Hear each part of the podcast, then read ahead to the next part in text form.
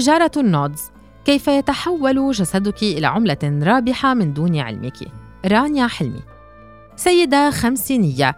يشبه امتلاء جسدها امتلاء أجساد مثيلاتها من الأمهات المصريات التقليديات تفتح بابا خشبيا تدلف منه إلى غرفة نومها. تستلقي على الفراش رافعة عباءتها محتفظة بحجاب الرأس. ومسلمة ظهرها في أمان لابنها الذي يبدأ في تدليك منطقة حساسة بدهان طبي. ثم يظهر وجهه باللحية السوداء القصيرة وتكتمل الصورة بسقف الحجرة الخشبي الذي يشير إلى مستوى اقتصادي متواضع للأسرة. يطلب الابن بلهجة ريفية من والدته أن تتراجع قليلا إلى الخلف، فتطمئن إلى يده الحانية التي تتمهل في تدليك جسدها بالكريم، بينما تمسك يده الثانية كاميرا هاتفه المحمول لتصوير ما يحدث. لم يكن ذلك مشهدا متخيلا أو من فيلم سينمائي بل كان مشهدا حقيقيا صور فيه الابن والدته ونشر هذا المقطع مصحوبا بعدة مقاطع أخرى تصور أمه أثناء قيامها بالأعمال المنزلية والعجن وهي حاسرة جلبابها الريفي عن فخذيها.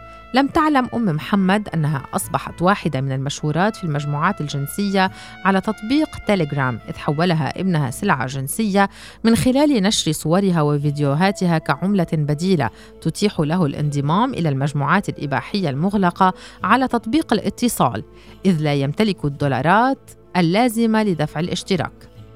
الأم اللاهية عن ممارسات ابنها واحدة من مئات النساء والفتيات المصريات اللواتي باتت صورهن ومقاطع فيديو لهن سلعة تنتشر على تليجرام ثم تجد طريقها إلى صفحات تويتر وفيسبوك أو مادة لابتزازهن من أجل تقديم خدمات جنسية أو دفع الأموال للمبتزين.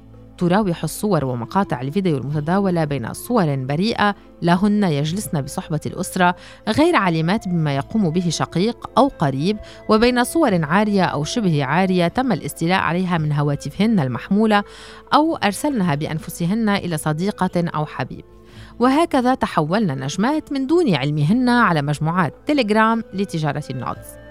تنقسم تلك المجموعات قسمين. عام يمكن أي شخص الانضمام إليه من دون مقابل ويختص بالتعارف والترويج والإعلان عن إمكانية الانضمام إلى النوع الثاني وهو المجموعات الخاصة التي يشترط للانضمام إليها دفع مقابل مالي يراوح بين 20 و 50 دولارا حسب نوع المجموعة وما تحويه أو البدل من خلال تقديم صور وفيديوهات لنساء وفتيات غافلات تكون خصوصيتهن ثمنا للحصول على المزيد من المحتوى الجنسي.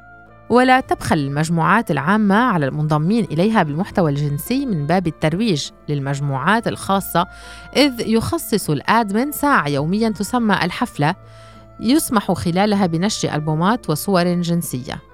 قبل أحد المشاركين في تلك المجموعات يحتفظ رصيف 22 ببياناته الحديث عن ضوابط المشاركة.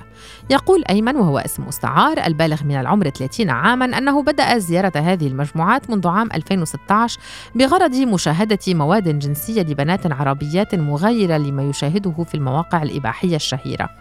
وبحسب أيمن يتم التحويل المالي للمشاركة في المجموعة المغلقة عن طريق تطبيقات الدفع الإلكترونية مثل بطاقات ريزر جولد أو من خلال شحن بطاقات الموبايل.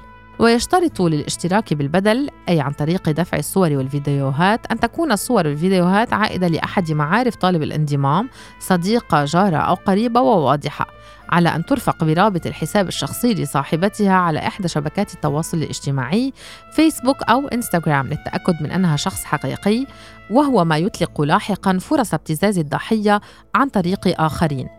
ويؤكده أيمن. الغرض الأصلي هو تشكيل قاعدة بيانات يتم استخدامها بعد ذلك في الابتزاز. ويضيف أيمن كثيرا ما ينشره البعض يكون صورا وفيديوهات لجيرانه أو أهل بيته تم التقاطها خلسة بهدف الاستماع لحديث جنسي عنهم.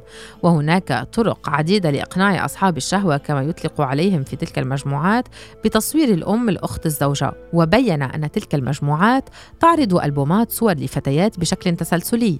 بداية من صور الفتاة وهي مرتدية كامل ملابسها وبالحجاب حتى إزالة كل ما ترتديه وكأن الغرض فضحها حسب وصفه وهو ما يراه رواد هذه المجموعات عقابا عادلا لموافقة هؤلاء الفتيات على التصوير. وأضاف أن تليجرام يوفر الأمان لمن يرغب في الابتزاز فالاشتراك فيه لا يستلزم إظهار أي بيانات شخصية ويمكن إخفاء أرقام الهاتف. في البداية لاحظت الأم أن مستوى ابنتها الدراسي تراجع. صارت هبة اسم مستعار أكثر ميلا للعزلة وبدأ أنها فقدت شهيتها كليا. هي طالبة في الصف الثالث الإعدادي 14 عاما في إحدى المدارس الخاصة بالقاهرة.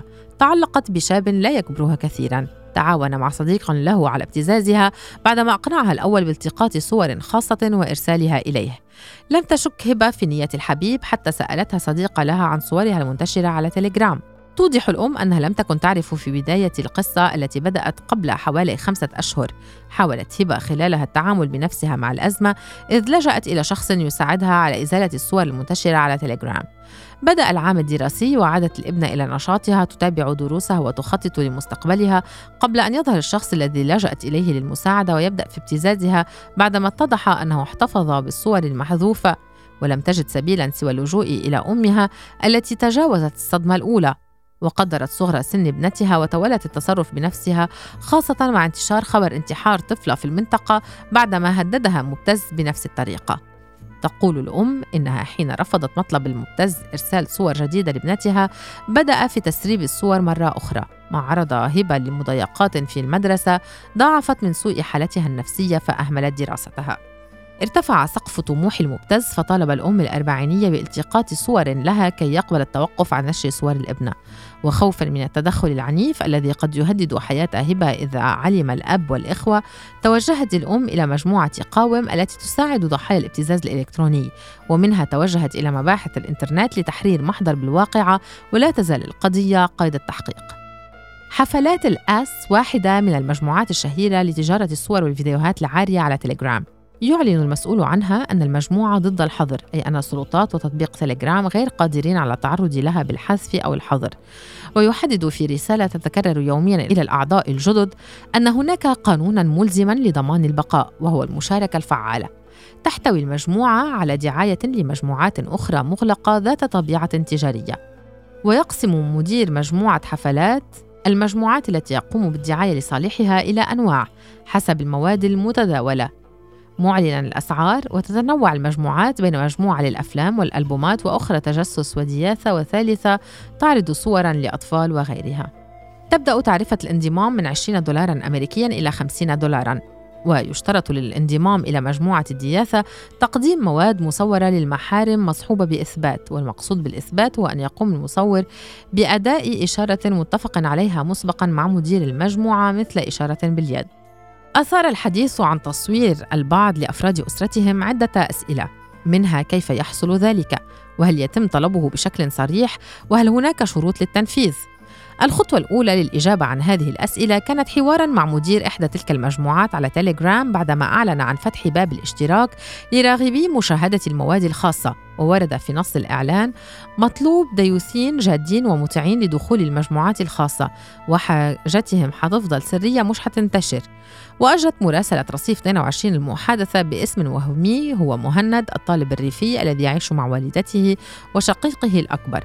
بدأ الحوار بسؤال من مهند إلى مدير المجموعة الذي أطلق على نفسه اسم الملكي مدريد عن تفاصيل الانضمام إلى المجموعة فطلب الآدمن بيانات شخصية الاسم والسن وهوايات أفراد العائلة ثم طلب التقاط صور للأم ومع ادعاء مهند أن الأم غير موجودة طلب الآدمن التقاط صور لملابسها الداخلية لتكون دليلا على صدق مهند واستعداده للتعاون. محادثة ثانية قصيرة أجراها رصيف 22 مع شاب علق على منشور لفتاة تطلب ولد محارم. لديه الرغبة في تبادل صور ومقاطع فيديو للأخت أو الأم حسب ما حددت وجاء تعليقه محذرا المشاركين الآخرين من الفتيات التي وصفها بنصابة وبتفضح وعند سؤاله عن صدق ما يدعي أجاب بعفوية تدل على صغر سنه أو اعتياده الأمر. نشرت صور وفيديوهات أم الأرملة موضحا أنه استجاب للفتاة وبعد حصولها على الفيديوهات هددته بنشرها وإرسال كود كارت شحن ثم كررت مطلبها وحين رفض نشرت المواد. محادثة أخرى أجريناها مع مدير واحدة من المجموعات يعرف نفسه باسم الباشا. يتابع قناته أكثر من سبعة ألاف شخص يعدهم بمشاهدة مقاطع الفيديو مباشرة من دون تحميل. يوضح أن المواد مصورة تصل عادة إلى مديري المجموعات عن طريق شخص ما بهدف فتح فتاة يعرفها أو يأتي مشترك لبيع الصور مقابل مبلغ مالي. ثم يبدأ مدير المجموعة التي وصلت له المواد في نشرها داخل مجموعة مغلقة وأحيانا يقوم أعضاء بتسريبها وتداولها عبر وسائط أخرى. ويضيف الباشا أنه يعيد نشر المواد التي تصله فقط وأنه لم يلتقط صورا أو فيديوهات لأي امرأة وينفي أن يكون قد ابتز أحدا. كانت المحاولة الثانية البحث عن شخصية حقيقية التقطت صورا لأسرتها فالتقينا حسن اسم مستعار البالغ من العمر 24 سنة ويعيش في إحدى محافظات الدلتا شمال العاصمة. وهو لم يكن مشتركا في مجموعات تليجرام لكنه تعرض إلى الابتزاز ليقدم مواد يمكن نشرها عبرها. والمبتز هو صديق إلكتروني طلبه بالتقاط فيديوهات لأفراد أسرته بملابس النوم وأخرى وهم بملابسهم الداخلية. يعيش حسن مع أسرته في قرية صغيرة في محافظة ريفية وهو الأخ الأوسط بين ثلاثة إخوة وأخت. تخرج في معهد فني وحصل إخوته على شهادات عالية.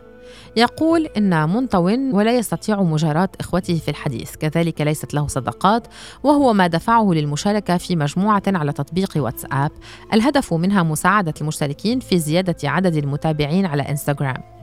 بعد يومين خرج من المجموعة وقد تعرف على سامي اسم مستعار عشرين سنة من محافظة الأليوبية الذي بادر هو بالتعرف إلى حسن. قرأ سامي افتقاد حسن للأصدقاء واحتياجه لشخص يشاركه اهتماماته. ظل يحادثه سبعة أشهر يوميا تقريبا بغرض الاطمئنان على أحواله. ثم سأله عن إخوته وعددهم ثم طلب منه التقاط فيديو لهم بغرض التعرف إليهم. يقول حسن إنه فعل ذلك مرة واحدة ولم يكررها فصور أكثر من مقطع فيديو لأسرته وهم يشاهدون التلفزيون أو نائمون. صور كذلك شقيقته الوحيدة بثياب المنزل. بمرور الوقت استغل سامي خضوع صديقه ودفعه إلى تصوير الملابس الداخلية لنساء الأسرة. ساعد على ذلك جهل حسن بإمكانية استغلال هذه المواد من قبل صديقه الذي زعم أن الأمر محض حديث شباب. لاحقا بدأ الابتزاز. فراح سامي يطالب حسن بالتقاط صور لوالدته وشقيقته وهما بملابس شفافة وفي أوضاع مختلفة فتهرب حسن. ثم هدده صديق الأمس بإرسال المقاطع إلى أسرته وإخبارهم بما فعل. استمر حسن في التهرب حتى اختفى المبتز. يقول حسن إنه فرح كثيرا باختفائه وظن أن الأمر انتهى وطمأن نفسه إلى أنه قد يكون هاتفه كسر أو سرق. إلا أن الأمر تجدد منذ شهر ونصف فظهر الصديق المبتز وجدد مطالبه. عانى حسن من وحدة مضاعفة فلم يستطع محادثة أحد بما وقع فيه وفكر في الانتحار. لم يلجأ إلى تحرير محضر بالواقعة خوفا من اعتباره مشاركا في الجريمة حسب وصفه.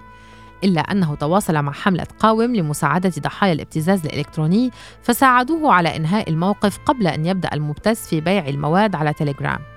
يقول حسن لرصيف 22 إنه عندما علم بانتحار بسن ضحية الابتزاز تخيل شقيقته مكانها.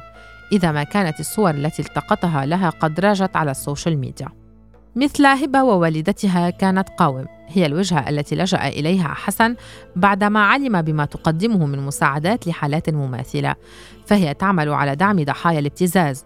وتتخذ الحملة سلسلة إجراءات تصاعدية ضد المبتز بداية من التواصل معه وتوعيته بإمكانية تعرضه للمساءلة القانونية.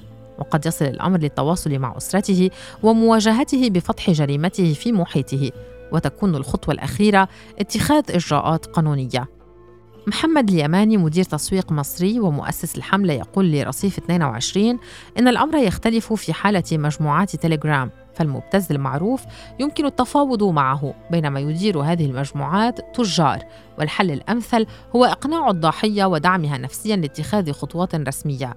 ودور قاوم هنا هو جمع المعلومات وكتابة مذكرة تساعد في القبض على الجاني. ويوضح أن تواصله مع مدير المجموعة قد يضر الضحيه فالتواصل هو إنذار لمن يدير تلك المجموعات. حين ذاك يمكنه غلق قناة وفتح أخرى وعرض المواد عليها خاصة أن تليجرام يتيح الفرصة للتخفي وعدم الإفصاح عن أي بيانات تدل على ذلك الشخص وهو ما يصفه بالكارثة. ويرى اليماني أن جريمة هؤلاء تفوق الجرائم الإلكترونية ويجب أن تصنف ضمن جرائم الإتجار بالبشر موضحا أن الكشف عن امتهان المبتز الإتجار في الصور يكون مصادفة. ويتم الإبلاغ عنه بعد جمع الأدلة والبيانات من دون أي اتصال مباشر واصفا حملته بأنها الوجه المجتمعي لجهات الدولة إذ يسعون إلى تغيير نظرة المجتمع للخطوة القانونية التي يتخوف منها الكثيرون. وعن تعامل الحملة مع حالتي هبة وحسن يقول في حالة هبة حاولنا إنقاذ ما يمكن إنقاذه عن طريق التواصل مع شركة استضافت التطبيق لكننا لم نجد بدا من اللجوء إلى اتخاذ الإجراءات القانونية بعد فشل التعامل الودي أما في حالة حسن فتم التوصل للمبتز وإزالة المواد الخاصة بأسرته والحصول على الضمانات التي تحفظ حقه مستقبلاً. يقوم تطبيق تليجرام الذي صممه الأخوان الروسيان نيكولاي وبافل دوروف على مبادئ عدة هدفها توفير التواصل المشفر الذي لا يمكن تتبعه من قبل السلطات وأجهزة الاستخبارات. وذلك بعد استيلاء الرئيس الروسي فلاديمير بوتين على مشروعهما الأول شبكة تواصل اجتماعي شبيهة بفيسبوك تدعى في كي. لكن نجاحهما في توفير تطبيق يصعب السيطرة عليه جعل التطبيقات ملاذا آمنا لمن يقومون بأعمال غير مشروعة. فظل تليجرام هو تطبيق الرئيس الذي لا يمكن عبره السيطرة على تواصل تنظيم الدولة الإسلامية داعش. كما أنه بات ساحة لبيع الأسلحة وتعليم تصنيعها وانتهاك خصوصية النساء والأطفال وتحويلهم إلى سلع جنسية. في مصر تغيب الإحصاءات الدقيقة عن الجرائم الإلكترونية فأحدثوا إحصاء معلن أعدته لجنة الاتصالات وتكنولوجيا المعلومات في مجلس النواب تزامنا مع إصدار قانون مكافحة جرائم المعلومات عام 2018 وهو عن سبتمبر وأكتوبر من العام نفسه وبلغ عدد البلاغات خلالهما 1038 بلاغا بينها جرائم ابتزاز إلكتروني تم ضبط أغلب المتهمين بها. ولم تصدر إحصاءات رسمية تالية وهو ما تؤكده النائبة مارثا محروس وكيلة لجنة الاتصالات وتكنولوجيا المعلومات بمجلس النواب إلا أنها تشدد على أن معدلات تلك الجرائم شهدت زيادة كبيرة جدا بسبب انتشار الهواتف الذكية إذ أصبحت هناك حالة ضخمة من التواصل وفق قولها. وتضيف أن هناك توجها عاما داخل المجلس لتغليظ عقوبة الابتزاز وأن النواب سيحرصون على ألا تكون العقوبة غرامة مالية فيستهين بها البعض. وأنها ستجمع عند التعديل بين الحبس والغرامة واصفة تلك الجرائم بأنها انتهاك لحقوق المواطن التي تتخذ في سبيلها الدولة المصرية العديد من الخطوات الناجحة ولا يمكن المساس بها على المستوى الشخصي أو على مستوى الأمن القومي.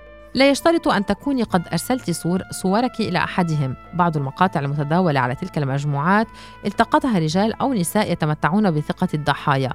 كفيديوهات لفتيات يرقصن في خطبة أو جلسة تجمعهن بصديقاتهن وقد ترسل إحدى الصديقات الصور انتقاما أو غيرة أو يستولي عليها أحدهم من هاتفها عن طريق اختراقه. إذا علمت عزيزتي القارئة أن صورا لك معروضة بلا موافقتك يمكنك اتخاذ إجراء قانوني عن طريق الإرسال بالرقم الخاص بالمجلس القومي للمرأة 15115 أو التواصل مع المجلس عبر تطبيق واتساب على رقم 01 0075256600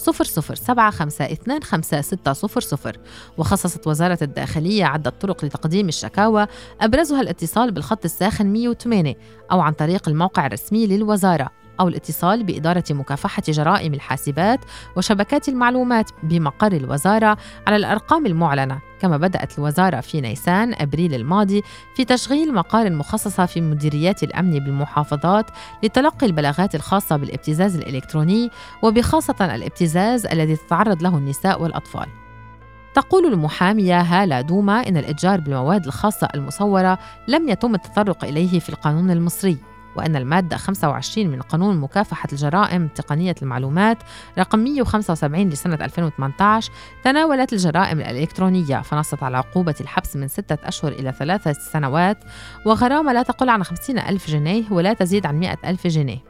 لمن يتعدى على قيم الأسرة المصرية وحرمة الحياة الشخصية ونشر صور دون موافقة صاحبها.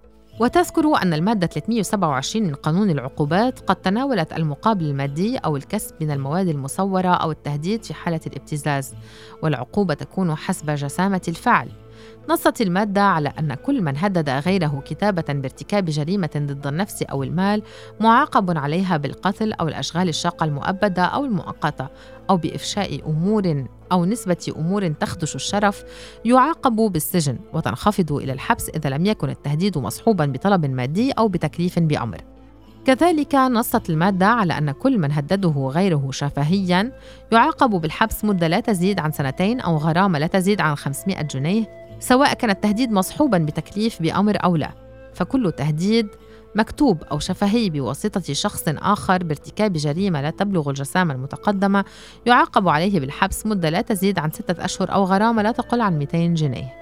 وتلفت النائبة محروس إلى أن القانون يحتاج إلى تعديل جديد ينظم عقوبة الابتزاز الإلكتروني موضحة أن آخر تعديل حصل عام 2018 وأن الإتجار يعد حالة حديثة وهو ما يحتاج إلى تعديل شرعي.